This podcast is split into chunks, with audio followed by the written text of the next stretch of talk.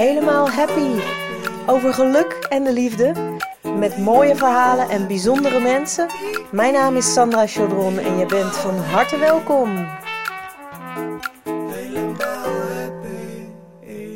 Welkom bij uh, aflevering 8 alweer van de Helemaal Happy podcast, waarin ik een hele bijzondere gast heb.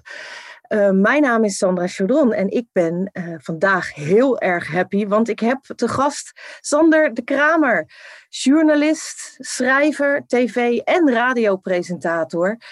Uh, hoofdredacteur van de Straatkrant geweest.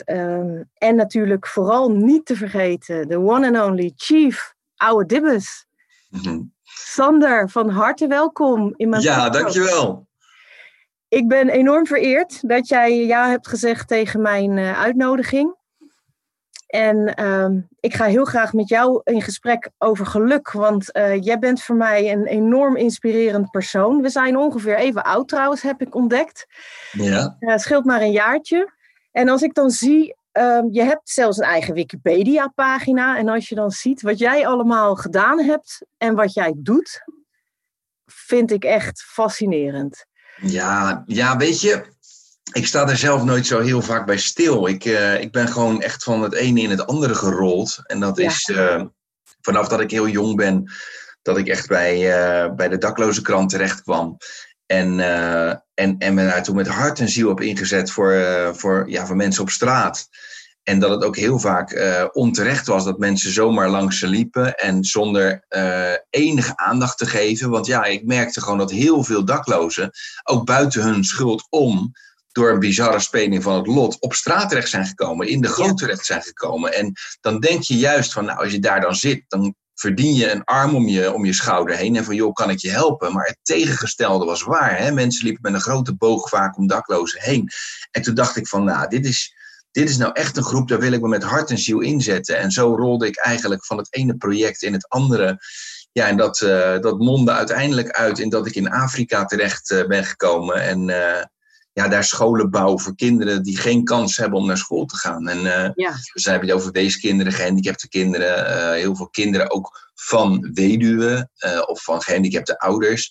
Ja, die hebben geen kans om naar school te gaan, omdat er gewoon simpelweg het geld ontbreekt eindigen vaak, in de, eindigen vaak in de prostitutie bijvoorbeeld. En wij zorgen ervoor dat dat niet gebeurt. En zorgen dat ze op onze kosten naar school kunnen gaan. Op scholen die wij zelf voor ze bouwen. En ja, zo hobbel je van het ene in het andere project. En als je dat inderdaad dan op Wikipedia leest, dan denk je van nou, ik heb wel een hoop gedaan in mijn leven. Weet je wel. Ja, ja, ja, dat is eigenlijk ja. wel grappig. Hoe, hoe is dat inderdaad voor jou om dat zelf dan te lezen? Want uh, uh, kun, jij, kun jij er goed mee omgaan trouwens met complimenten als jij... Um, ja, want uh, er zijn heel veel mensen ontzettend uh, onder de indruk van jou. Uh, als jij in Sierra Leone uit het vliegveld komt, heb ik begrepen, dan staat er als het ware hele volkstammen klaar om oude dibbes te verwelkomen. Dan het zal niet gebeuren dat jij zelf nog een stuk bagage draagt. En het is nog net geen nationale feestdag. Of hoe moet je dat voorzien als jij landt in Sierra Leone?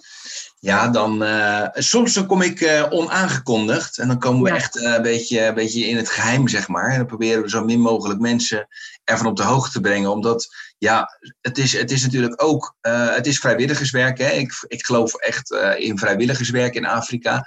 En, um, maar er, moet wel gewerkt worden natuurlijk. Hè? Dus we moeten wel allemaal belangrijke vergaderingen doen. en er moeten knopen worden doorgehakt. Er moeten weer scholen worden gebouwd. Dus we kunnen niet de hele dag feesten. En als mensen inderdaad weten dat ik kom, dan staan er overal delegaties klaar. En staan overal staan, staan de mensen echt te juichen en te dansen om, uh, om, om het feest aan te vangen, zeg maar. Ja. ja, dus soms kom ik in het geheim en dan weet niemand het. Maar ja, dan gaat het via de tam-tam toch ook alweer snel. En dan als ik dan wakker word, dan staan er ook alweer een hoop mensen.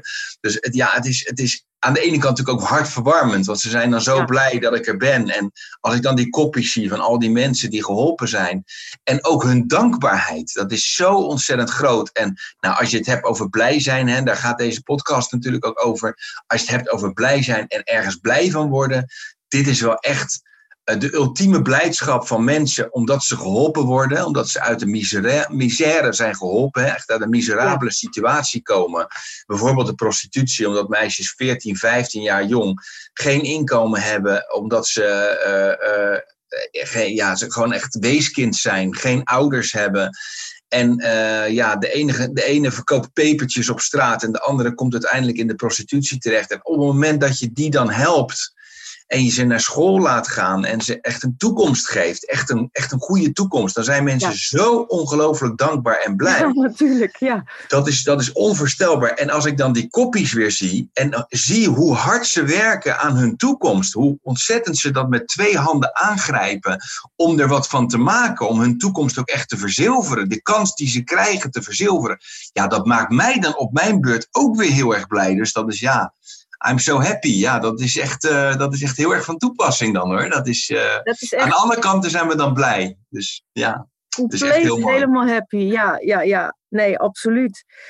Salone zag ik staan. Is uh, hoe ze zelf Sierra Leone noemen. Heb ik dat goed begrepen? Ja, dat klopt. Spreek ze zeggen Salone. Salone. Salone. Ja, dat is echt een, ja, een beetje zoals wij Oranje noemen. Alleen Salone is echt een, echt een heel lief koosnaampje. Hè? Ze zijn heel erg trots op Afrika daar. Ja. Dus de Afrikanen zelf zijn heel erg trots op dat ze op het continent wonen. En uh, dat is best bijzonder, want het is natuurlijk het armste continent van de wereld. En er is heel veel armoede. Maar toch is iedereen echt wel heel erg trots. Ze noemen het ook Mama, mama Afrika. Hè? Het, is, ja, ja. Uh, het is hun, hun moeder. En, uh, en, en, en Salon is ook weer zo'n koosnaampje dat mensen hebben voor hun eigen land. En dat ze toch, toch ook wel heel trots zijn van ik kom uit, uh, uit Salon. En al, al is er weinig uh, en al is de armoede groot, uh, ze zijn wel dankbaar voor wat ze daar hebben. En dat kenmerkt ook wel de mentaliteit van de mensen uit Sierra Leone. Van er is weinig, maar wat ze hebben, dat delen ze ook met z'n allen. En als het einde van de dag is gehaald en ze hebben een maaltijd, dan wordt dat ook echt gevierd. Dan wordt dat ook echt met z'n allen wordt dat gegeten, wordt dat genuttigd. Nou, soms dan gaan ook even de heupen gaan even los, hè, dan wordt er gedanst. En, en mensen vieren daar dan ook echt op dat moment het leven. En dat is heel erg in groot contrast met hoe wij hier in het Westen vaak leven. we hebben natuurlijk heel veel. Hè. We hebben bijna allemaal uh, wel een huis. En we hebben bijna allemaal wel een auto en een mooie televisie. En we hebben uh, mooie spullen. Maar uiteindelijk zit er natuurlijk wel vaak een hypotheek aan vast. En er zitten grote schulden en lasten aan vast. En uh, wij leven natuurlijk veel ook in de toekomst. Van oké, nou als ik later met pensioen ben, dan ga ik dat en dat doen. Ja, en daar zijn ze helemaal niet bezig met een pensioen. Want mensen worden gemiddeld niet ouder dan een jaar of 50, hoe bizar het ook is. 45, 50 jaar, dan is de koek vaak wel op in de armste landen. En uh, ze zijn daar gewoon bezig met van dag tot dag leven. En eigenlijk van uur tot uur. Dus elke avond, als er een maaltijd is, dan wordt dat gewoon met z'n allen, wordt dan ook echt het leven een beetje gevierd. En uh, en dat is een hele andere kijk op het leven. Dat is, dat is zo anders. En daar leer ik ook weer heel veel van. Daar heb ik heel veel van geleerd. Ook van ja, dat ik het hier niet altijd kan sturen. Neem nou het afgelopen jaar, het, het jaar van 2020, waarin corona ons helemaal in de greep heeft genomen. Ja, dat had niemand natuurlijk verwacht toen we op 2020 elkaar op 1 januari allemaal een heel gelukkig nieuwjaar wensten. Dat we een paar maanden later allemaal in een lockdown zouden zitten en zoveel mensen hun baan gingen verliezen, hun bedrijf gingen verliezen, alles kwijtraakten. Ja, daar zijn ze in Afrika dus niet mee bezig. Daar leven ze echt van dag tot dag. Waarbij geluk ook echt een factor is die van dag tot dag en zelfs van uur tot uur speelt. En wij zijn hier, ja, gelukkig als we ja, met onze kinderen kunnen we natuurlijk heel erg gelukkig zijn met een familiesituatie.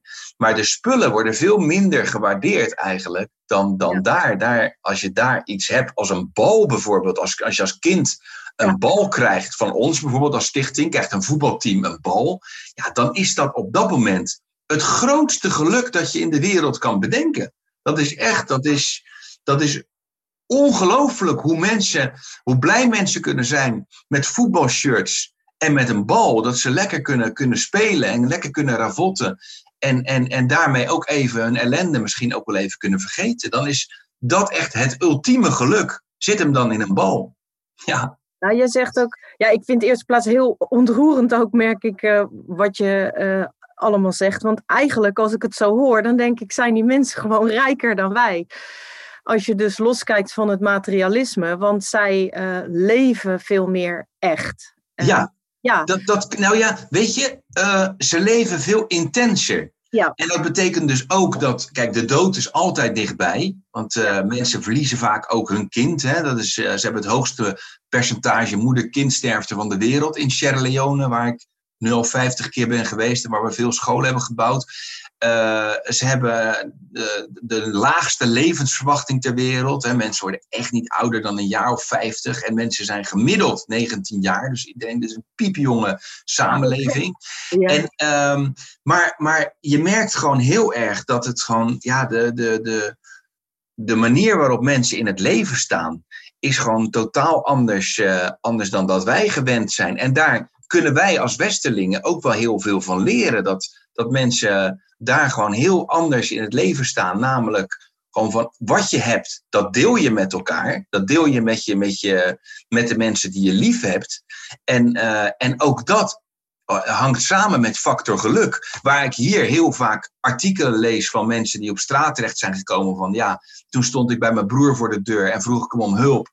Want mijn broer die heeft, een, uh, heeft een mooi bedrijf en die kon mij wel helpen. Maar hij hield de ja. deur dicht. Weet je, en dan, nou, dat is in Afrika ondenkbaar dat iemand ja. de deur dicht houdt. Sterker nog, uh, er wordt elke avond, als mensen eten hebben, een extra grote pan gekookt voor de neefjes, de nichtjes, de buurjongens, de buurmeisjes. En dat wordt met elkaar gedaan. En een andere keer is het een andere buurman die op dat moment bijvoorbeeld uh, een, een, een, een geit heeft en, en, en, en rijst heeft. En die, en die maakt er weer eten klaar voor de anderen allemaal in de buurt.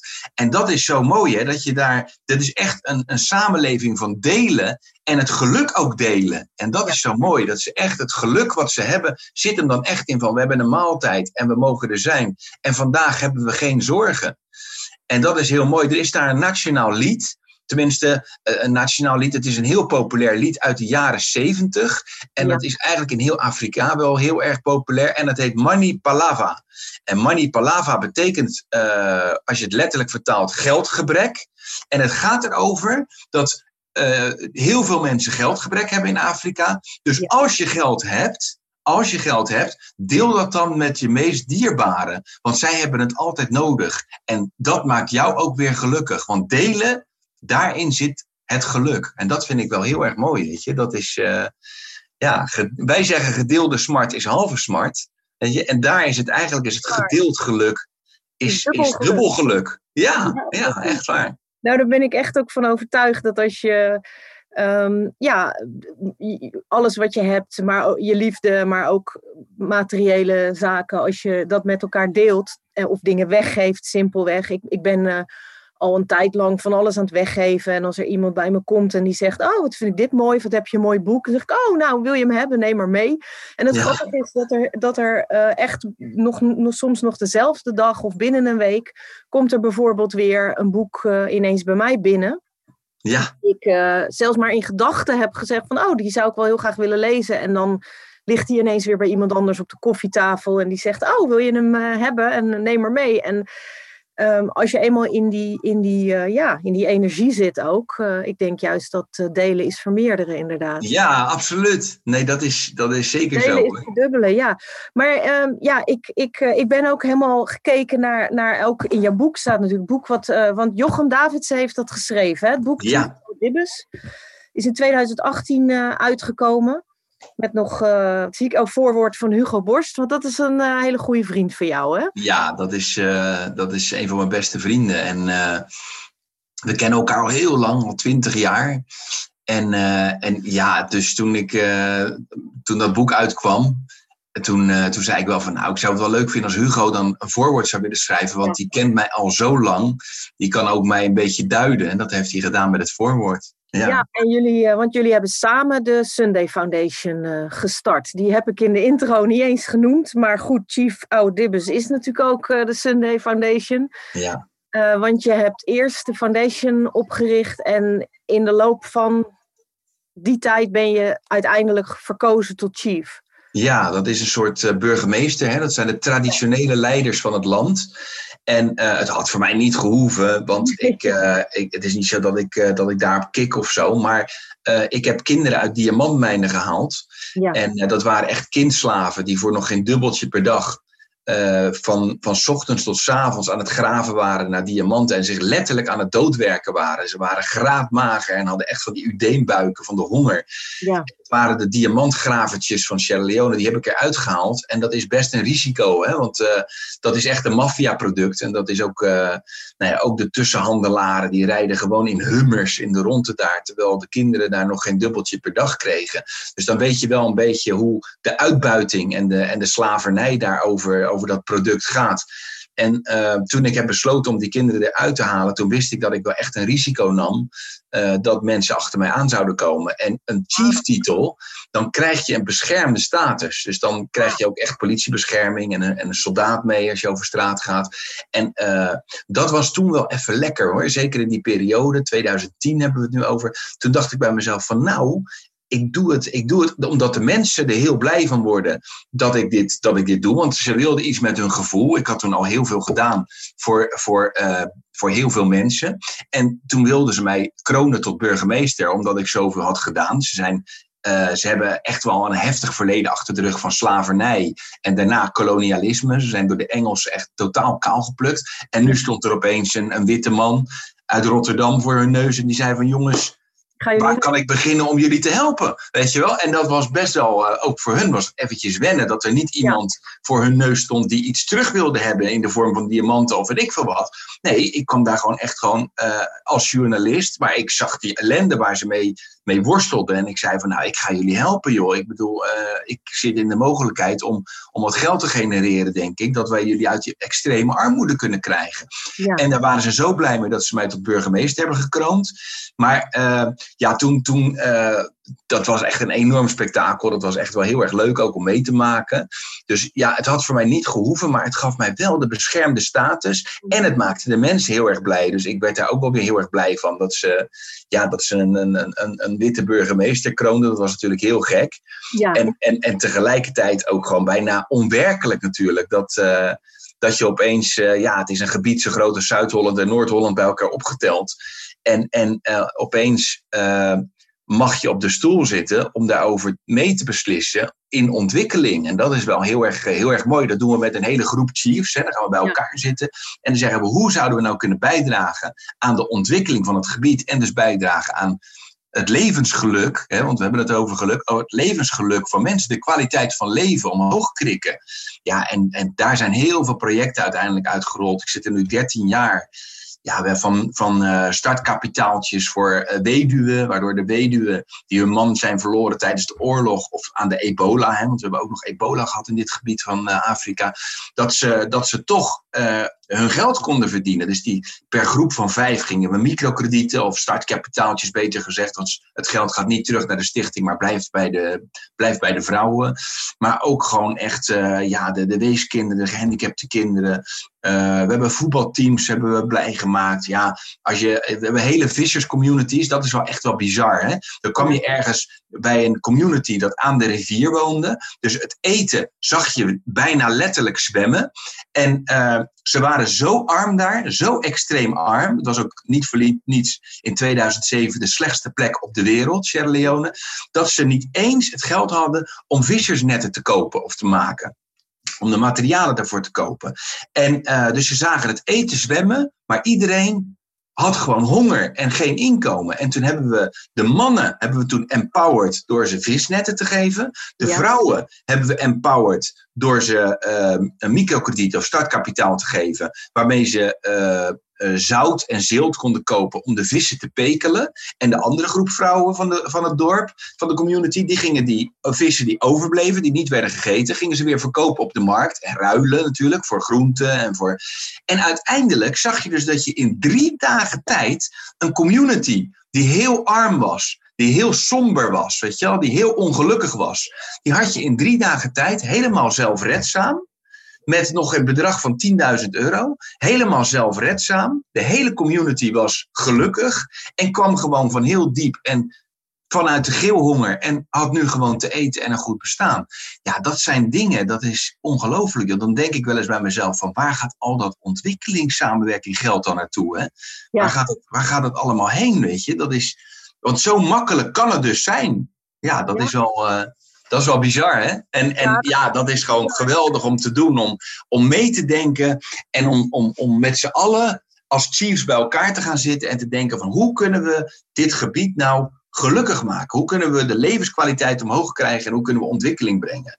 Nou ja, dat doe ik nu al uh, eh, 50 bezoekjes lang. Ik ben 135 keer in Afrika geweest. Het is best wel af en toe zwaar geweest. En, en uh, ik ben echt wel wat jaar ouder geworden in al die jaren natuurlijk. Van wat ik gezien heb aan ellende, aan armoede, aan vreselijke ziektes natuurlijk ook.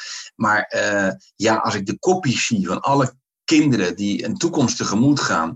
En als ik aan ze vraag van, joh, wat willen jullie nou later worden? Dan zeggen ze bijna allemaal, hè, bijvoorbeeld op onze meisjesschool. Meisjes gaan bijna geen van allen naar school. Als naar de middelbare school gaan, want dat kost geld. Daar heeft papa geen geld voor als er een papa is.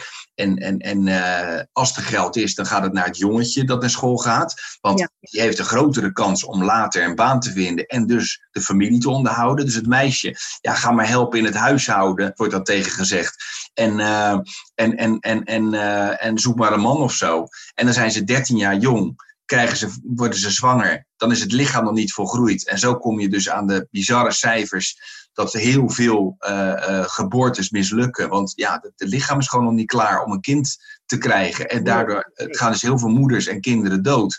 Ja, daar, bouwen we, daar hebben wij dus echt scholen voor. Om die meiden ook echt op school te houden. En lekker volwassen te laten worden. En aan hun toekomst te denken. Ja, en als ik aan die, aan die kinderen vraag van wat wil je later worden? Dan zeggen ze bijna allemaal, ik wil dokter worden. Of ik wil verpleegkundige worden. Of ik wil zelf ook leraar worden. En dan zeg ik, waarom wil je dokter worden? Dan zeg ik van, nou, ik ben geholpen, zeggen ze dan. Want anders was er niets van me terechtgekomen. Had ik in de prostitutie gezeten of was ik pepertjesverkoper geworden. En nu heb ik een toekomst. Dus ik wil andere kinderen op mijn beurt ook weer helpen. Ja, dat is echt het, het butterfly effect, hè? pay it forward. En ja. daar, word ik wel, uh, daar word ik wel echt extreem blij van hoor. Daar word ik echt heel happy van. ja, precies.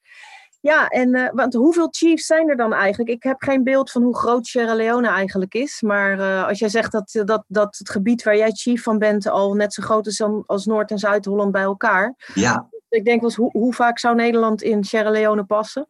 Ja, ik denk een keer of drie. Het is niet zo'n heel groot land wat uh, Afrikaanse landen betreft. Als je het vergelijkt met een uh, Soudaan bijvoorbeeld of een uh, Algerije. Het zijn natuurlijk echt gigantische landen.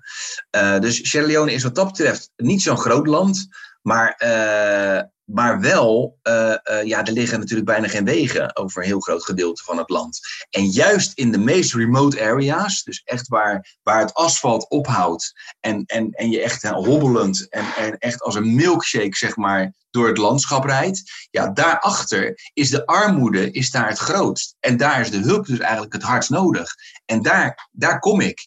En het wrange is dat ik daar bijna geen NGO's tegenkom, of misschien soms helemaal geen NGO's. Want die gaan tot aan het asfalt vaak. En dat is mijn kritiek. Ik ben, ik ben inderdaad heel positief altijd, dus ik, ik, ik focus me niet vaak op negativiteit. Maar wat ik soms jammer vind, is dat ik daar niet de NGO's tegenkom waaraan je elke maand braaf 25 eh, euro doneert bijvoorbeeld, omdat je denkt van nou, die doen hele goede dingen. Omdat ik, ik wil ze juist in die remote areas zien, maar ja, die zijn heel moeilijk toegankelijk. Dus kom je daar vaak ook geen mensen tegen. Dat vind ik soms wel heftig, weet je wel. Dat ik denk van ja, maar juist daar is het zo hard nodig. Dus daar zitten wij. En daar maken wij mensen enorm blij. Ja, natuurlijk. Ja. Hey, maar volgens mij, als ik het goed heb gezien, uh, ik weet niet of dat nog steeds zo is, ben je ook ambassadeur van CARE Nederland. Klopt ja, dat klopt. Ja, Wat grappig is, kijk, mijn bedrijf hangt dus sinds maart uh, eh, 2020 aan het infuus, zo noem ik het maar. Want uh, ja, je, je weet dat ik, uh, we hebben elkaar toen ook nog eens ontmoet op een feest van, denk ik, een vriend van jou, ja. waar ik was geboekt als ballonartiest. En ik was daar, het was heel heet, weet ik nog, die dag was ik uh, ballonfiguren voor de kinderen aan het maken. En ineens dacht ik, nee, ik zie lief oude dibbes. Ik, ik ja. zo'n uit mijn dak gaan moment op dat moment. ik, had, ik had echt net je boek eh, uit en ik was helemaal onder de indruk. Ik heb hem echt in anderhalve dag uitgelezen. En uh, zo inspirerend. En dan een paar weken later sta ik ergens ballonfiguren te maken. En, en staat gewoon de chief voor mijn neus. Dus uh, ik weet dat jij ook wel heel, heel blij keek toen ik je aansprak met. ja, tuurlijk ja, maar weet je, het is natuurlijk ontzettend leuk als mensen zo geïnteresseerd zijn. Hè? Helaas zijn er ook mensen die ja, die denken van nou, dus Afrika dat is verloren of dat, is, uh, dat, dat komt nooit meer goed. En uh, voor hun is het echt een ver van mijn bedshow geworden. En, uh, en die hebben er helemaal geen interesse in. En dan, ja, jij stond echt met een prethoofd voor me van... Hey Chief Oude Dibbes, wat leuk om je te zien. Dus ja, daar werd ik natuurlijk op mijn punt natuurlijk ook weer heel vrolijk van. Ja, ja, en, ja. En toen hebben we... Ja, en ik werd ook heel vrolijk van alle kinderen die jij weer blij maakte. Dus nou ja, dit, dit past allemaal in de podcast. Want het was echt één, één happy moment, zeg maar. Want al die kinderen die stuiterden om jou heen van blijdschap... omdat jij de, de, de ballonfiguren maakte waar ze heel gelukkig mee wegliepen, weet je wel. Van, ja. uh, kijk eens eventjes. En, uh, en, en, en ik werd weer heel blij van jou, dat je zei van, joh, ik heb net boek uit en uh, wat mooi. En ja, dat vind ik altijd heel mooi als mensen zo geïnteresseerd zijn in iets ja. dat op een plek waar ze nog nooit zijn geweest. Zoals jij, je bent nooit in Sierra Leone geweest, maar je, je interesseert je er zo in dat je het helemaal uitleest in anderhalve dag. Ja, daar word ik heel blij van ik word ook heel blij bijvoorbeeld als mensen blij van mij worden en denken van, joh, ik wil wel zo'n schooltje sponsoren. En dan bellen ze me op en zeggen van, joh, ik heb een bedrijf en ik zou het ontzettend leuk vinden om een school te doen. Uh, wat kost het? Dan zeg ik van, nou, dit is fantastisch, man. Dit is, dit is zo mooi. Weet je hoeveel kinderen je hiermee blij maakt? Het gaat echt om duizenden, duizenden, duizenden kinderen die je hiermee gaat helpen. Ja. ja, en dan zijn ze nog nooit daar geweest, maar op basis van het verhaal dat ze dan hebben gelezen in het, in het, in het boek, of op basis van uh, dat ik bijvoorbeeld bij, uh, in, een, in een praatprogramma heb gezeten en heb verteld over, over wat we doen, ja, daar worden mensen dan vrolijk van en denken ervan, ja, hier geloof ik in. Ja, daar ja, daar word ik dan echt heel vrolijk van. Dus toen jij daar voor, me, voor mijn neus stuiterde van, ik heb net je boek uit. Ja, toen werd ik daar wel extreem vrolijk van. Ja, precies. En, was heel leuk. Een heel mooi moment. Dat vergeet ik nooit meer. oh, geweldig. Het was ook heel dubbel, hè. Want het is dat, ja, was een rijke vriend, zeg maar. Ja, wel een hele betrokken vriend trouwens. Uh, Herman is... Uh, die toen uh, volgens mij zijn verjaardag vierde. Of de verjaardag van zijn zoontje was het.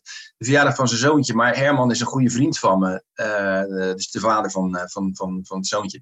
Uiteraard.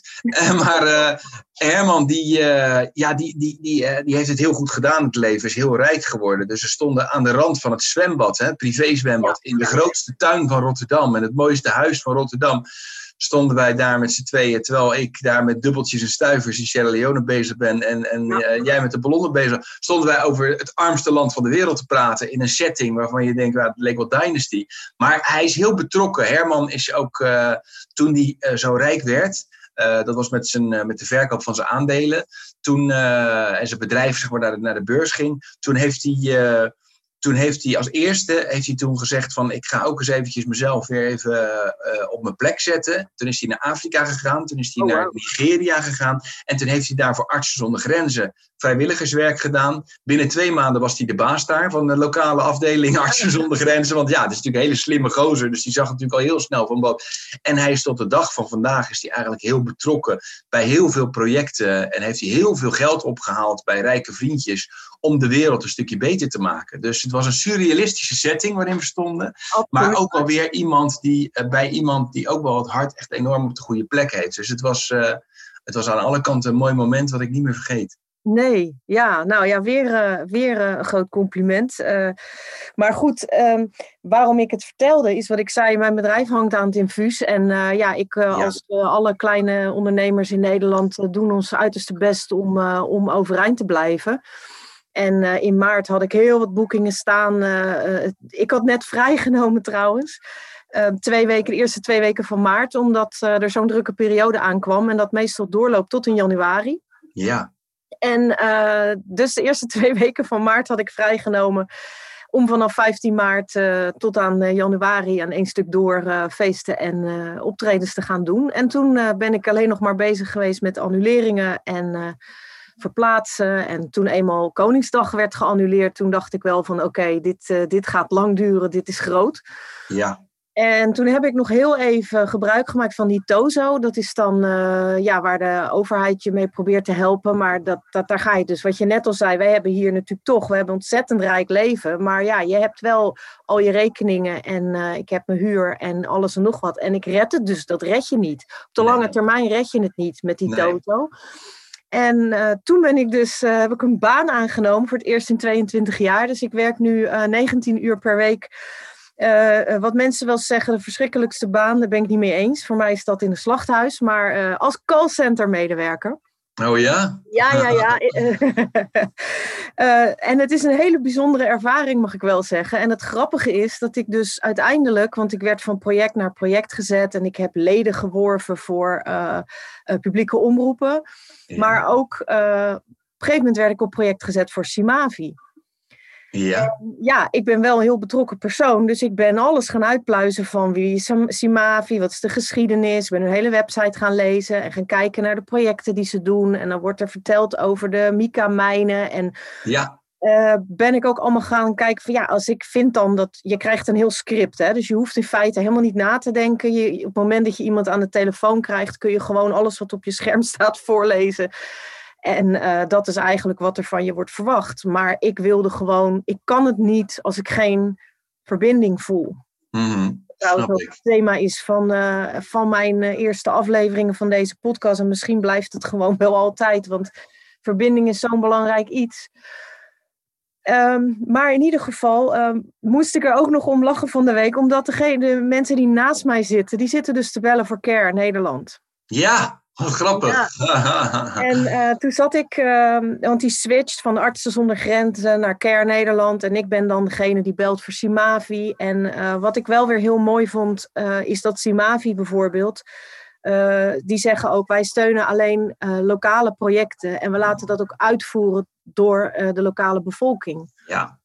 En ik merkte wel dat heel veel mensen die ik dan bel en waarmee je, ja, die probeer je donateur te maken. Uh, dat die daar toch op aangingen dat dat verhaal dat wij, uh, wij, weet je, ik voel me al zo betrokken bij Simavi, um, dat we um, mensen opleiden, vrouwen, ze werken vooral voor vrouwen en meisjes, wat jij net ook al aangaf, die toch achtergestelde positie hebben, waar er wordt meer in de jongens ge, geïnvesteerd. Dat is, dat is een traditioneel cultureel iets wat nou eenmaal door de generaties zo, uh, zo is.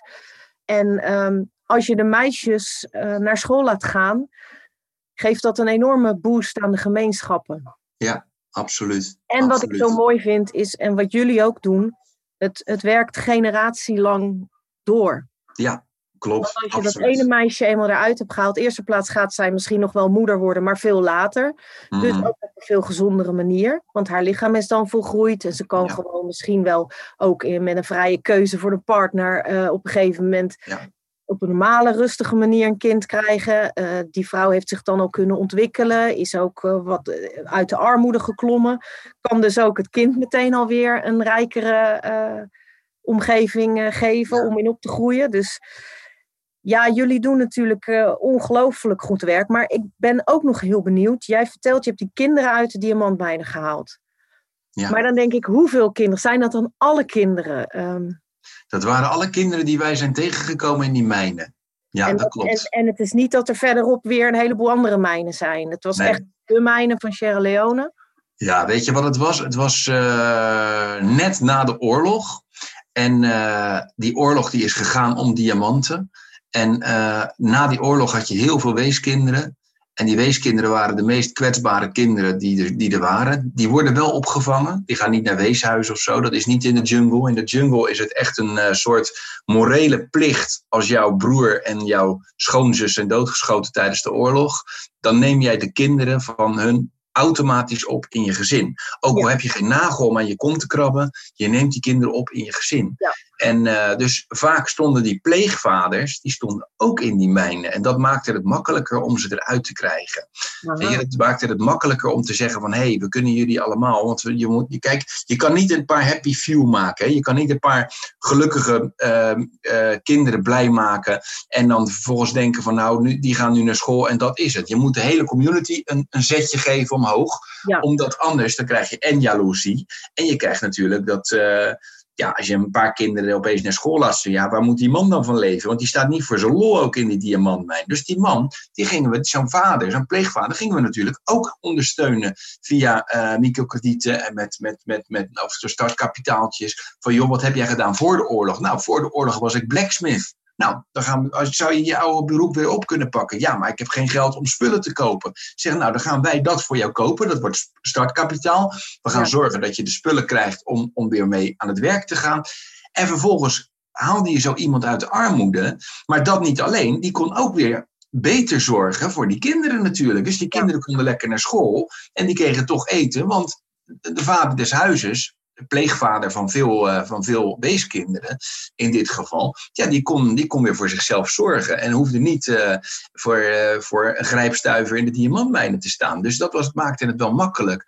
En ja, de ene was timmerman, de andere brommerreparateur, de andere was, was, was, was ehm, tailor, weet je wel, kleermaker. de andere was zeepmaker. Nou, iedereen die beroep had van voor, oor, voor, voor de oorlog uitbrak, die kon dat weer oppakken, omdat wij daar speciaal een, een, een, een zak met geld hadden, hadden, hadden georganiseerd om ze een duwtje in de rug te geven, dat ze hun oude beroep weer konden oppakken. Wat ook weer bijdroeg aan hun geluk natuurlijk, een mate van geluk. Want niemand werd blij van in die, in die diamantmijnen werken, want dat was gewoon lood en loodzwaar werk. Dat deed je de hele dag. En het was ook nog eens levensgevaarlijk, want heel vaak stortte dat in, zo'n mijn. En dan stonden ze te graven, zeg maar. En dan stortte zo'n mijn in. En dat was alles wat daaronder op dat moment aanwezig was, was gewoon overleden. Dat was echt uh, was gewoon super heftig. Dus het was ook echt iets van, het moet nu gebeuren. Ik voelde ook echt van, nu moet het gebeuren. Kinderen moeten allemaal uit die mijn. Ja, dat was wel een heftige tijd hoor. Want uh, ja, dat is een tijd dat je natuurlijk ook wel, uh, ook wel heel vaak er naartoe moest gaan natuurlijk. Echt, ik kwam daar wel, wel, wel misschien wel tien keer per jaar of zo toen. Bijna elke twee weken, drie weken.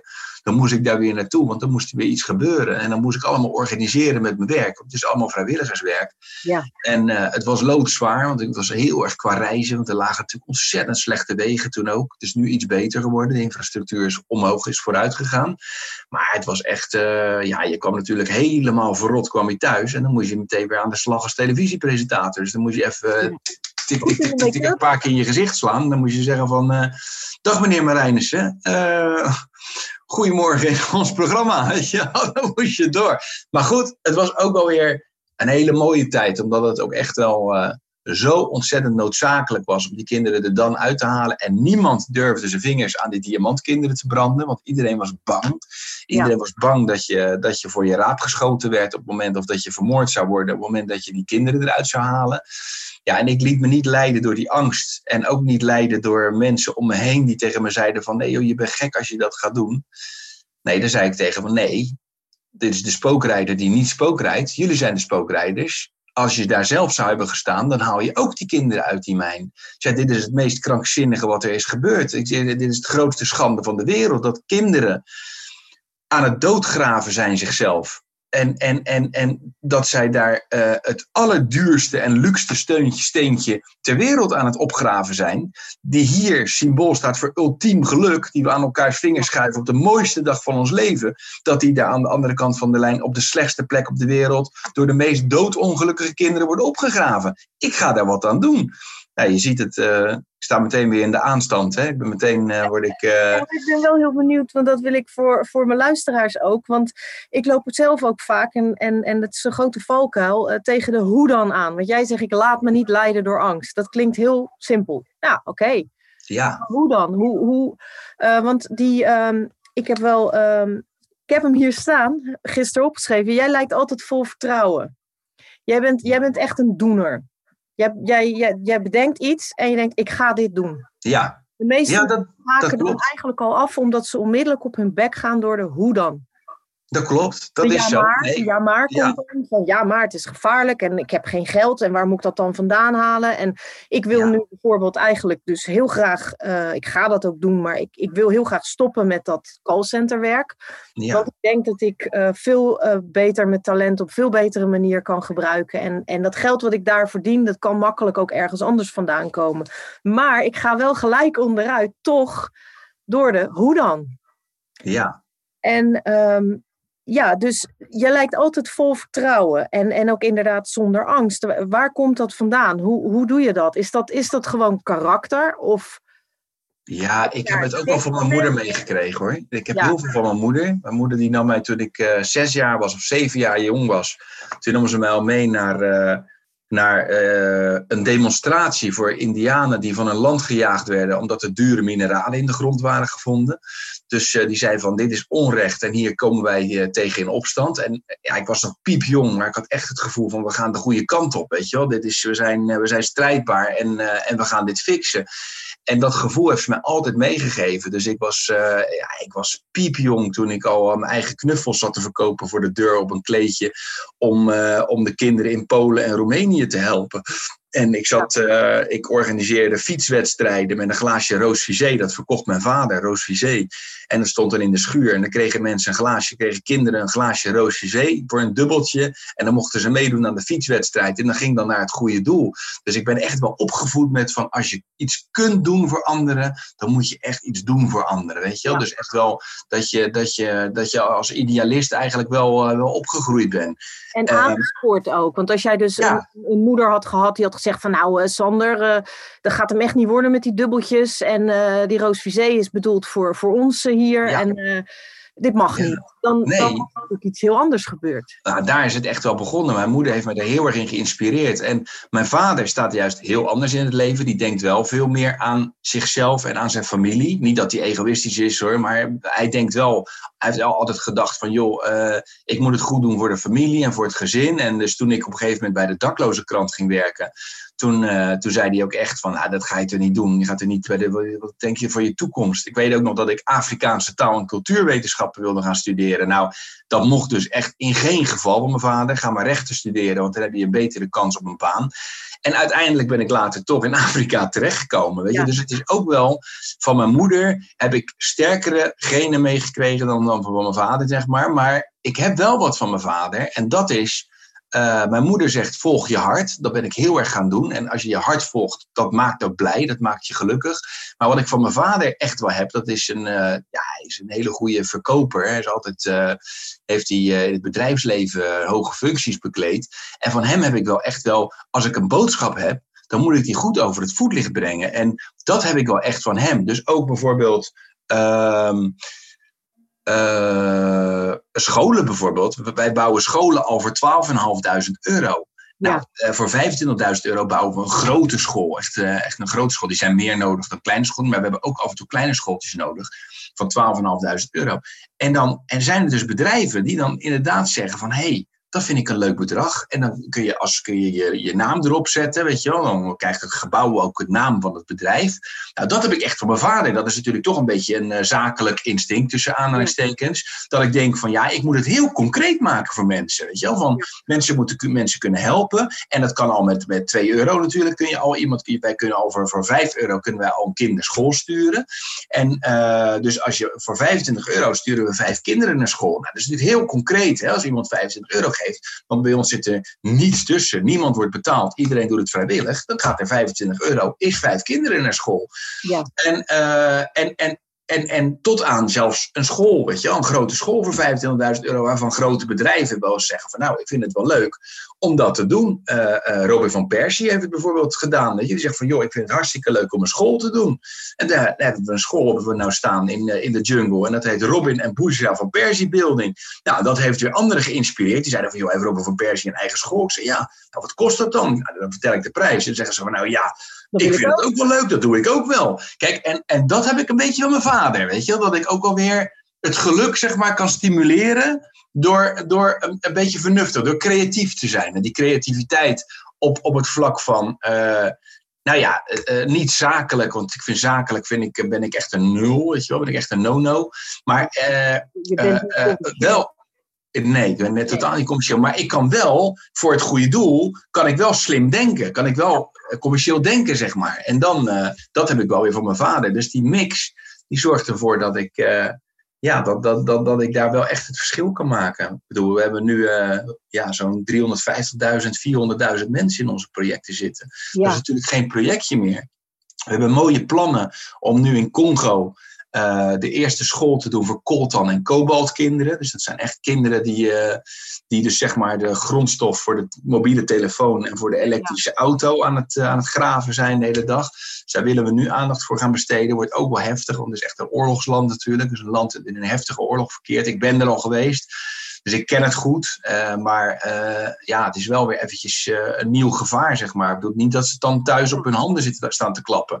Maar terugkomend op jouw vraag, ja. van ja, je zet dan door, weet je wel. Je bent je bent niet bang. Nou ja, ik ga niet ergens roekeloos in. Ik laat me heel goed informeren. Ik zorg dat ik met de juiste mensen op pad ga.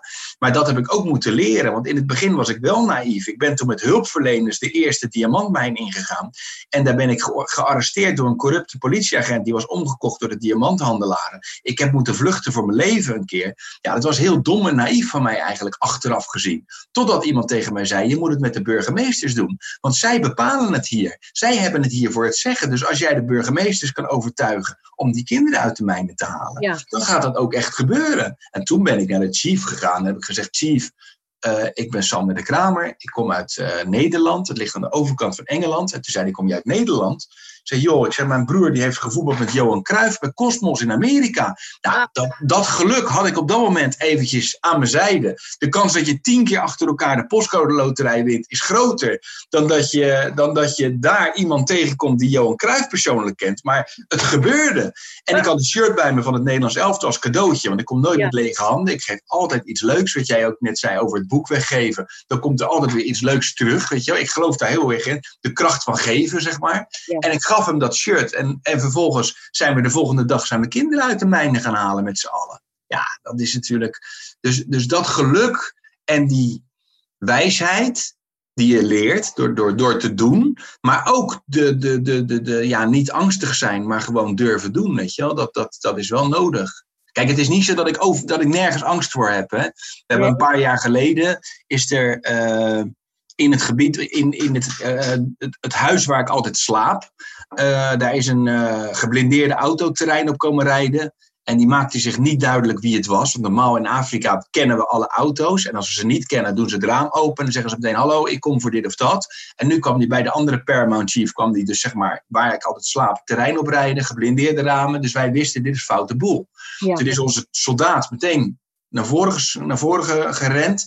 En die richtte zijn zijn AK-47 op het raam. Maar nou, het waren geblindeerde ramen, er gebeurde nog niks. Dus toen moest hij iets doen. Dus toen heeft hij een kaarsrechte lijn van kogels voor de auto's getrokken. Dus echt krrr, Zo. met zijn AK-47. En toen richtte hij weer op het raam. En toen zijn ze uiteindelijk weggereden. Want toen dachten ze van, nou, dit is serieus. Ja, en voor wie die zijn gekomen, ja, dat kan voor de andere Chief zijn geweest die ze wilden overvallen. Het kan zijn geweest dat ze, dat ze mij achterna wilden. Ja, dat, dat weten we niet. Maar het is niet zo dat het natuurlijk een, een vakantieoord is geworden voor me. Hè. Ik bedoel, in het zuiden van het land, waar de diamantmijnen zitten, zijn nog steeds mensen van wie ik hun brood heb afgepakt. Weet je? En dat is. Ja, en, en die me ook af, want wie graaft er nu wel naar de diamanten? Want die diamanten. Nee, die diamantmijnen die zijn gesloten. Dat zijn oh, rijstvelden geworden. Ja, oh, we hebben van de diamantmijn hebben we rijstvelden gemaakt. Dus dat het echt voor de community is. En ik moet ook zeggen, er zaten ook bijna geen diamant, diamanten meer in. Hoor. Er werd nauwelijks een diamant gevonden. Weet je, de, het is wel een beetje uitgeput. Het wordt al sinds uh, eh, 18 zoveel wordt er, uh, wordt er naar diamanten gegraven. En uh, het is ook wel redelijk uitgeput. Er wordt niet veel meer gevonden. En maar ja, het is casino-economy noemen ze het. Dus uh, iedereen kan daar ook diamanthandelaar zijn. Weet je, er kwamen daar mensen. Ja, dan, dan, betaal je een groep mensen betaal je 30 euro per maand of zo. En dan gaat die hele groep gaat dan voor je graven en zeven de hele, de hele dag. Ja, die dingen die gebeurden. Waarbij dus ook mensen hun kinderen meenamen. En, en dan gaan proberen om, om een diamantje. Want vind je een diamant, ja, dan heb je natuurlijk de jackpot. Niet als die allerarmsten, want die hebben niet eens het geld om naar een andere community te reizen. Dus die kunnen die diamant helemaal niet verkopen. Maar het gaat dan via tussenhandelaren, is dat uh, illegale handel. Hè? Het is clandestine handel. Het wordt allemaal gesmokkeld via Guinea en via Liberia gaat het uh, naar het westen. Ja, precies. En uh, ja, een belangrijke vraag die ik toch altijd wel heb. wat doe jij nou eens als je minder happy bent? Is nou, Sander eigenlijk wel eens niet happy? Jazeker, ja, nee, ik ben dus, ja. ja, tuurlijk, ja. Ik ben wel eens uh, verdrietig, tuurlijk. Zeker ook als ik documentaires heb gekeken waarbij ik zie dat het zo slecht gaat met de wereld. Ja. Dat we natuurlijk met z'n allen heel die wereld opvreten. En, uh, en nou ja, noem alle problemen maar die erbij komen kijken. Dat is, daar, kan ik on, daar kan ik ontzettend verdrietig van worden. En dan, ja, dan, dan heb ik wel een uitlaatklep, dat is sport ik sport heel graag. Daar, daar, maak ik echt wel iets in mijn hoofd aan. Dat, uh, daar word ik heel blij van. Ja. En, uh, en mijn andere guilty pleasure is eigenlijk het enige wat ik heb. Dat is uh, waar, waar ik heel erg gelukkig van word. Dat is een, een lekker wijntje. een kaasje. Ja. En, en ik word heel gelukkig van, van Spanje. Ik ga regelmatig naar Spanje. Ja, nu natuurlijk door corona niet, maar ik ga heel graag naar Spanje en daar ben ik echt als een vis in het water. Ik spreek ook Spaans, ik heb Spaanse vrienden.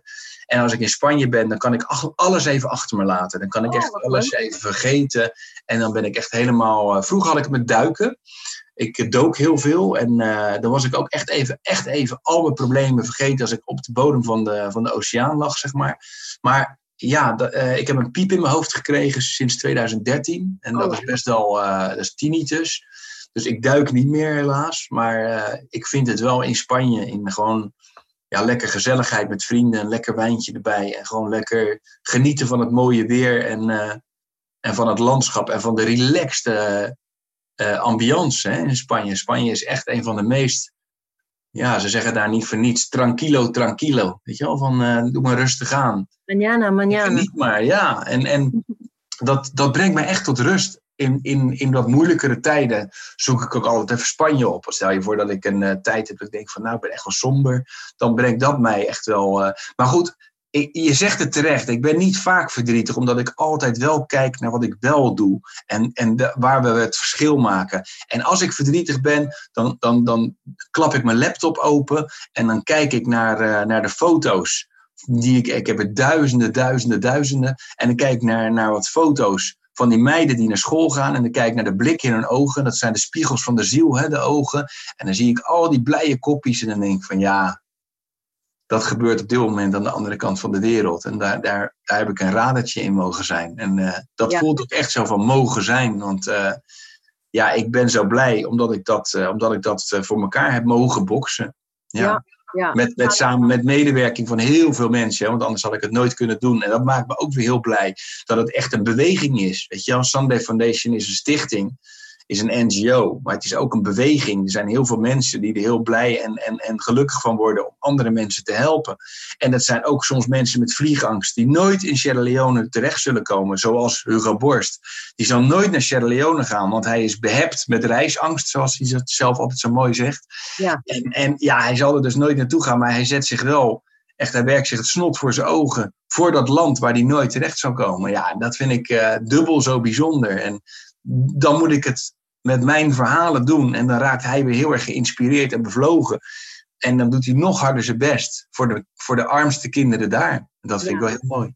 Ja, dat is zo mooi. Hè? Ik vind het, het, ik zeg het, het is het mooiste virus wat er is. Is, eh, is uiteindelijk de liefde. Is uh, ja. we allemaal met elkaar verbonden zijn. En ja. uh, ik word nou weer helemaal blij van jou. En, en mijn vriend zit hier verderop. Die wordt ook weer helemaal blij. Omdat ik ja. vandaag alweer helemaal hyper de pieper happy ben. Omdat jij ja. bent. het gaat maar door en het gaat maar door. En ik wil nog heel even aandacht besteden aan Pieter. Uh, Alfa, jouw zoon, die is net zo oud als mijn zoon. Mijn zoon is 21, die is van 99. En die, uh, die is profvoetballer geworden. Echt? Ja, die van mij. Die van jou ook. Jou. Ja, nee, oh, ik dacht die van jou ook, joh. Ik, nou, dat zou heel bizar zijn. Ik denk, dat krijgen we. Nee, nee, nee, wat leuk zeg. Ja, nee, ja, dat klopt. Ja, die is uh, profvoetballer geworden in Guinea. Dat is al een paar jaar geleden, twee jaar geleden, is die, uh, is die gescout in Sierra Leone. Dat is die een van de beste voetballers van het land. En toen is hij gescout. Guinea is een heel groot voetballand. Daar komt ook de grote Pogba, hè, een van de duurste voetballers. Ja. Alle tijden komt daar vandaan. Dus het is echt wel een land dat altijd wel meedoet aan de Afrika Cup. En, uh, en, en ja, dat is echt wel een groot voetballand. En daar voetbalt hij nu. En daar verdient hij zijn brood mee. Dus dat is echt wel heel erg leuk. Uh, ik leerde hem kennen toen hij een jaar of zeven was. En uh, hij was weeskind geworden, zijn vader verloren, die is verdronken, was het visser. Zijn moeder uh, is ziek geworden, die is toen overleden. Ja, en daar stond hij dan als weeskind in een uh, armste land van de wereld en ook nog eens in een gorddroog en straatarm gebied in Cambia, het noorden van Sierra Leone is dat. Niet Gambia, maar Cambia met een K. en toen heb ik hem uh, onder mijn vleugels genomen. En uh, ja, uh, door voetbal is die, eigenlijk, heeft hij zijn geluk hervonden. Ja. En hij is heel blij. En ja, toen, heb ik hem, toen, toen is hij echt een beetje mijn zoon geworden. Noemde hij mij ook daddy. En mijn vrouw uh, Mammy. En, en, en op een gegeven moment toen ging hij steeds beter voetballen. En toen is hij gescout. Toen is hij voetballer geworden. En uh, hij zei, daddy, uh, I'm a professional football player nou. Ik zei, ja, ik zei, dat is fantastisch natuurlijk. Kijk, en dan gaat het natuurlijk niet om bedragen zoals uh, bij Manchester United of zo. Hè? Ik bedoel, nee, nee, het is diner die ze krijgen. Maar hij kan er wel van leven. En dat is wel heel erg leuk. Twee keer trainen per dag. En hij kan er van leven. En, en, en uh, dat is echt heel erg leuk. En uh, toen had hij laatst, had hij een, of binnenkort heeft hij een, een buitenlandse wedstrijd. En hij zei van ja, als weeskind heeft hij geen paspoort. Ik zei, nou dan gaan we dat natuurlijk regelen. Ja. En toen zei hij van, ja daddy, hij zei, maar vind je het dan goed als ik jouw achternaam neem? Want ja, ik, jij bent mijn enige familie. En toen zei ik van, ja, natuurlijk gaan we dat regelen. Brok in mijn keel natuurlijk. En toen hebben we het geregeld. Nou, dat was nog best wel een gehannes, want ze kenden in Afrika natuurlijk de naam De Kramer niet. Nee. Nou, en, en dat hebben ze dus nu in het, uh, in het bevolkingsregister opgenomen. En uh, die naam hebben ze moeten invoeren. Daar heb ik 50 euro administratiekosten voor moeten betalen, want het was echt, we werden van het kastje naar de muur gestuurd. Maar het is uiteindelijk gelukt. En uh, nu heet hij uh, Pieter de Kramer, heet hij nu. Pieter Alfa. Alfa, uh, dat is zijn originele naam. En Pieter, dat is de naam van mijn vader, van opa. Ja. En in dit deel van Afrika zijn ze heel erg bezig met het eren van hun voorvaderen en van opa. En, ja, en, en hij kent opa ook goed. Die hebben een goede band samen. Dus toen, is het, uh, toen, is het, uh, toen wilde hij zich heel graag Pieter noemen. Dus hij is Pieter de Kramer. Is die nu, ja. ja. Dus dan zeggen wij op onze manier weer gekscherend van... nou, hebben we eindelijk iemand in de familie die wel kan voetballen, weet je Ja, ja. ja. Nou, eh, ja precies. Ja, gek. Nou, weet je, volgens mij uh, zou ik met jou een dag vol kunnen kletsen. Ja, dat denk ik ook inmiddels bijna aan een uur. En uh, ja, ik, uh, ik ben absoluut helemaal happy. Er was één ding waar ik het eigenlijk met je over wilde hebben. En gelukkig denk ik er nu aan. Want dat is iets, en je hebt het eigenlijk wel ook al een beetje beantwoord. Want um, kijk, ik ben zelf dus heel lang vrij ongelukkig geweest met mezelf. Ik had ja, in de loop van mijn opgroeijaren vrij lage eigenwaarde ontwikkeld. En um, dat heeft ook te maken met je omgeving ja, hoe, hoe, uh, hoe hoge dunk hebben de mensen waar je mee opgroeit van zichzelf. En dat neem je ook over. Dus um, het is iets wat ik gelukkig ook heb weten te doorbreken. Want ik zie dat dat bij mijn zoon uh, vrij uh, goed en gezond in elkaar zit. Daar ben ik ontzettend blij mee. Mooi. Toen hij ja. acht was, toen hoorde ik hem dingen zeggen. En toen schrok ik echt. Toen dacht ik, oh, ik moet actie gaan ondernemen. Anders ontwikkelt mijn zoon ook um, zo'n negatief zelfbeeld.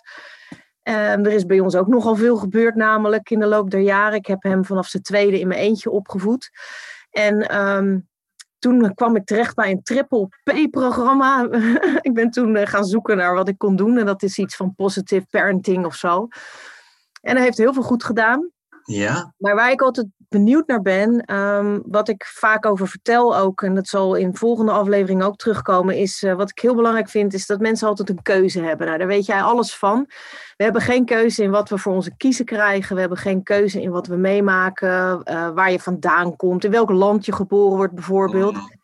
Maar je hebt wel als mens altijd een keuze in wat je ermee doet. Ja, precies. Hoe je erop reageert. Um, en ook uh, waar geef jij aandacht aan, dus waar praat jij over? Uh, heb je het de hele tijd, kijk je de hele dag naar, naar nieuws en praat je daar de hele tijd over? Of praat je over vooruitgang, dingen die je ziet die wel goed gaan? Maar waar ik heel benieuwd naar ben, is: um, is het nou iets wat ook in je karakter kan zitten? Want ik ben dus ook eigenlijk altijd wel van begin af aan een doorzetter geweest. Iemand, ja. ook een ondernemer. En, en ja, mijn moeder zei dat ik drie was, dat ik uh, al ervoor gezorgd heb in een vakantie dat we in de Italiaanse Alpen bovenop een berg te terechtkwamen. Want we gingen wandelen met de hele familie, maar die wandeling bleek, uh, het bleek steiler en langer te duren dan de bedoeling was. En, maar ik liep met drie jaar dus voorop. Ja. Helemaal, want we gingen naar de top. Dus dat had ik in mijn hoofd. En ik bleef maar doorlopen. En zo is dus iedereen, ik ben de jongste in ons gezin en, uh, en de volwassenen erbij. Iedereen die bleef maar doorlopen, want die dacht, ja, uh, we kunnen niet te, te onderdoen van die kleine. Mm. En dat doorzettingsvermogen, en dat is iets wat toch altijd in mijn karakter ook heeft gezeten. Maar is het iets wat voor iedereen mogelijk is. Dus als jij nou niet die moeder had gehad die jou met acht jaar liet zien dat je kunt opstaan voor, eh, voor onrecht en dat je daar hè, dat dat belangrijk is en dat je daar dus wel iets aan kan doen en die het goed vond dat jij voor dubbeltjes ging verkopen en dat aanmoedigde. En als je dat niet hebt gehad en um, ja, kunnen mensen alsnog ook ehm, die dit helemaal happy zijn ook allemaal bereiken, denk jij? Ja, ik denk het wel. Ik denk dat, uh, dat je. Ik denk dat iedereen op een gegeven moment wel uh, op splitsingen in zijn leven staat. Op T-splitsingen. En dat je kan zeggen van nou, ik ga rechtsaf of linksaf. En dat je een mogelijkheid ziet of mogelijkheid krijgt om iets te doen, om een, om een sprong te wagen. En sommigen doen dat niet, die, die maken die sprong niet. En, en, en uh, dan heb ik het over gelukkig zijn, bijvoorbeeld in, uh, nou ja, of het nou de liefde is, of dat het nou, uh, of dat het nou in je werk is. Het is natuurlijk onwijs belangrijk dat je, geluk, dat je geluk hebt en dat je het leuk vindt wat je doet. En als je goed in je vel zit, dan denk ik dat mensen vanzelf vanuit die, dat positivisme wat ze dan hebben, dat ze dan ook kijken van joh, het is ook wel heel mooi om te geven. Dat maakt ook wel maakt ook blij, toch? Als je iemand anders blij kan maken, maakt het ook blij. Als ik uh, zie dat iemand de boodschappen voor de, buur, voor de buurvrouw doet, die uh, vanwege corona niet uh, in de supermarkt kan lopen, dan geeft dat ook een heel fijn gevoel. Dus het, het, het stimuleert elkaar alleen al heel erg. Alleen als je ziet dat iemand ehm, heel erg verdrietig is in zijn werk, dus geen leuk werk doet en verdrietig is in de liefde bijvoorbeeld, ja, dan is het moeilijker natuurlijk om dan de positieve dingen te zien en ook om andere mensen te gaan helpen. Om, te gaan zeggen van joh, ik ga eens eventjes. Uh... Maar goed, het kan ook iets doorbreken natuurlijk. Het kan ook zijn dat juist door, door die stap te zetten van nou, ik ga eens kijken naar de eenzame overbuurvrouw die altijd alleen zit, dan ga ik een kopje koffie drinken. Je krijgt daar een goed gevoel van. Ik krijg van echt van nou, dit, uh, dit smaakt naar meer. En je gaat dat vaker doen op, op, op regelmatige basis voor Humanitas of wat dan ook. En je doet een vrijwilligerswerk erbij. Het hoeft allemaal niet zo grotesk. Hè? Het hoeft allemaal niet.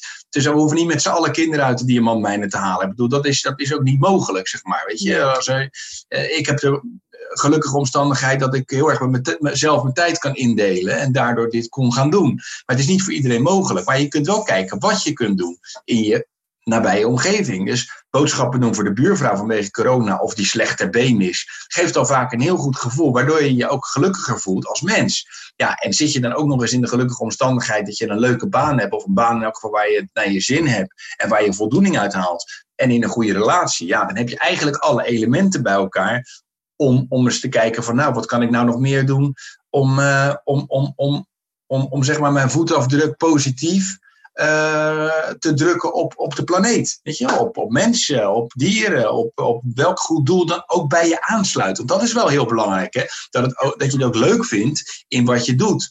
Ik ken genoeg mensen, ja, die, zit, die doen dan iets voor het goede doel. En die doen dan alleen uh, die doen dan de container inruimen, bij wijze van spreken. Ja, daar vinden ze geen, geen bal aan. Maar iemand die logistiek doet en die dat leuk vindt. En die, die, die, die vervolgens de container gaat inruimen. Die zegt, nee, maar ik ga het zo functioneel mogelijk doen voor Sierra Leone. Want dan zet ik de fietsen daar. En dan zet ik de pakjes daar. En dan, uh, en dan, gaat, er zo, dan gaat er nog meer in. En dan wordt iemand vanzelf enthousiast. En wordt iemand vanzelf blij. Ja, daar word ik dan ook weer heel erg blij van. Dus als, als mensen vrijwilligerswerk willen doen, of als mensen iets willen gaan doen voor anderen, dan moet het wel altijd iets zijn dat bij ze past, waarbij ze zich happy voelen. Want als je je niet happy voelt in wat je doet, dan, dan, dan bloedt het vrij snel dood. Hè? Dan, dan is het vrij snel dat je zegt van nou, hier heb ik geen zin in. Weet je, dat wordt net wat jij zegt. Maar dat, dat, dat is heel erg afhankelijk van hoe je op dat moment in je vel steekt. Ja. En, en, en, uh, en of het wat je doet, als je iets doet erbij, of dat bij je past. En of je dat leuk vindt. En of je er voldoening uit haalt. Dat is, dat is natuurlijk fantastisch. Ja. Je, met de buurvrouw een kopje koffie drinken is volgens mij best wel leuk. Want koffie is lekker. En, uh, en, die, en die buurvrouw is voor haar is het fantastisch leuk om te doen. Nou, dat is natuurlijk gewoon geweldig om, uh, om, om, dat, om dat te mogen doen. En dan denk ik van ja, dat zouden wel meer mensen mogen doen in Nederland. Want eenzaamheid is een enorm probleem natuurlijk. Meer dan 50% van Rotterdam voelt zich wel als eenzaam, de stad waarin ik woon. Nou ja, dat vind ik echt wel heel heftig. Hoeveel procent? Meer dan 50% voelt zich wel eens eenzaam. Dat vind ik echt wel heel heftig. En dan uh, denk ik van ja, dat, dat kunnen wij dan wel leren uit Afrika, weet je wel. Waar mensen de deur plat lopen juist bij familie. Ja, dat is natuurlijk waar familie allemaal in één huis woont vaak. Dat is in zuidelijke landen, weet je. Italië, Spanje, waar mensen ook mama en papa in huis nemen, zeg maar. En, uh, als ze ouder worden. Ja, ja, ik denk dan wel bij, bij mezelf van je kunt jezelf wel... Uh, ook wel gelukkiger maken door een bepaalde stap te zetten. Als je op die T-splitsing staat, om dan te zeggen van nou, ik, neem, ik maak die sprong, ik ga dat doen. Op, en dan verdien ik veel minder geld, maar ik vind het wel onwijs leuk wat ik dan ga doen. En die dan ook echt die beslissing nemen. Ja, ja, absoluut. Ja. Nou ja, wat ik ook hoor in wat je nu vertelt, is toch, dan kom ik toch weer terug bij, uh, bij zelfzorg en um, ja. en ook zelfkennis. Dus als jij, want je moet wel jezelf goed kennen om, om ook te weten van hé, hey, dat is wel echt iets voor mij. Of hé, hey, dat, daar ligt mijn talent. En ja. ja. Dus, en daar komt dan ook vanzelf weer zelfvertrouwen uit. Zeker ja, bij mij kwam ook weer even mijn oude, inmiddels uh, weggewerkte overtuiging dat er geen mens op mij zit te wachten. Die heeft mij heel lang uh, tegengehouden in allerlei uh, dingen die ik wilde doen. Want dat denk ik ook aan van ja, zo'n buurvrouw die zit toch niet mij te wachten? Ja, wel. Ja, enorm. Enorm zelfs. Ja, ja precies. En uh, dus uh, iedereen die dat denkt van uh, nou ja, ik weet niet hoor, die buurvrouw en dat zal heus wel niet. En ik wacht wel tot ze me vragen. Nee, niet doen. Vraag gewoon een keer ja. of je iets voor ze kan doen. Want dat heb ik ook al gemerkt. Ik heb een hele mooie vriendschap met een vriendin die is ontstaan in de jaren dat ik alleen was. Uh, was via een vrouwenforum waar ik aan chatten raakte met haar. Maar ik heb op een gegeven moment gewoon alleen maar, ik kreeg een gevoel van, er is iets of zo in de berichten die zij stuurde. En toen heb ik op een gegeven moment, ik wist niet wat ik ermee moest. En toen heb ik, uh, want dan vraag je van hoe is het? En dan zeggen ze, ja goed hoor, ga, ja, gaat wel. Ja. Toen heb ik een berichtje gestuurd van, laat het me weten als ik iets voor je kan doen. Gewoon. Ja. Een aanbod. En dat heeft een enorm, en een ontzettend mooie vriendschap is daaruit voortgekomen. Want zij zegt, weet je, er was op dat moment eigenlijk niks wat je voor me kon doen. Maar het feit dat ik mijn berichten opende en zag staan dat iemand dacht van, hé, hey, weet je wel, als ik iets voor je kan doen, laat het me weten. Ja. Wat dan ook. En wanneer dan ook. Dat, dat er gewoon iemand was die die dat voor haar wilde doen, dat, dat betekende zoveel. En nou ja, dat is, dat is denk ik ook uh, wat gewoon heel veel de, de, de, oorzaak van de eenzaamheid is. Ja, precies. Ja, tuurlijk.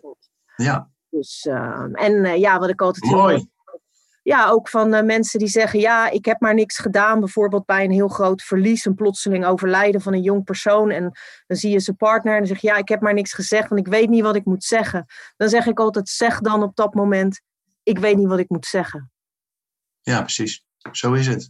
Dan is dat is namelijk ook goed, maar dan heb je wel een opening om toch met elkaar in gesprek te gaan. En, ja, tuurlijk. Ja, dus hey, ja, ik, uh, ik wil je heel hartelijk bedanken. Want, nou, graag gedaan.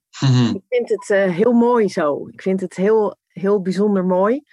En uh, ik heb je boek besteld van miljonair tot krantenjongen. Die is inmiddels al uh, 12, bijna 13 jaar geleden. Ja, dat klopt. Hij komt opnieuw uit in uh, oh, maart, april, ja. En wat is er dan vernieuwd? Is dat gewoon een nieuwe druk? Of, uh... Ja, gewoon een nieuwe druk. Hij was, uh, hij was uitverkocht. Ja. Oh, ja, ja, klopt. Ik heb hem via een heel leuk klein boekwinkeltje. Oh, wat leuk. Ja. gisteren weten te vinden. En die komt vandaag, als het goed is. Daar kijk ik heel erg naar uit. Van miljonair tot krantenjongen. Ja. Bizarre levensverhalen van de straat. Ik vind ja. het heel erg mooi. Um, lieve Sander, dank je wel. Graag gedaan. Ja. was hartstikke leuk. Supergoed. Ik, uh, ik wens je trouwens ook nog een heel mooi nieuw jaar met alles wat je doet. En uh, ja, laten we gewoon. Uh, ik zeg steeds ook tegen de mensen die ik aan de lijn krijg op het callcenter. Ik krijg heel veel oudere mensen aan de lijn. Die ook ja. trouwens dan ook aangeven dat ze eenzaam zijn. Maar ik zeg, laten we optimistisch blijven. Zo is het. Absoluut. Ja, precies. Ja. maar, ik ga je bedanken. Ik zeg tot ziens. En. Um, uh, wie weet uh, zie ik je nog wel een keer terug in deze podcast. En, uh... Oké, hartstikke leuk. Je kan altijd bellen. Tuurlijk. Goed, oké. Okay. Hey, groetjes hè. Doei. Doei, hoi hoi.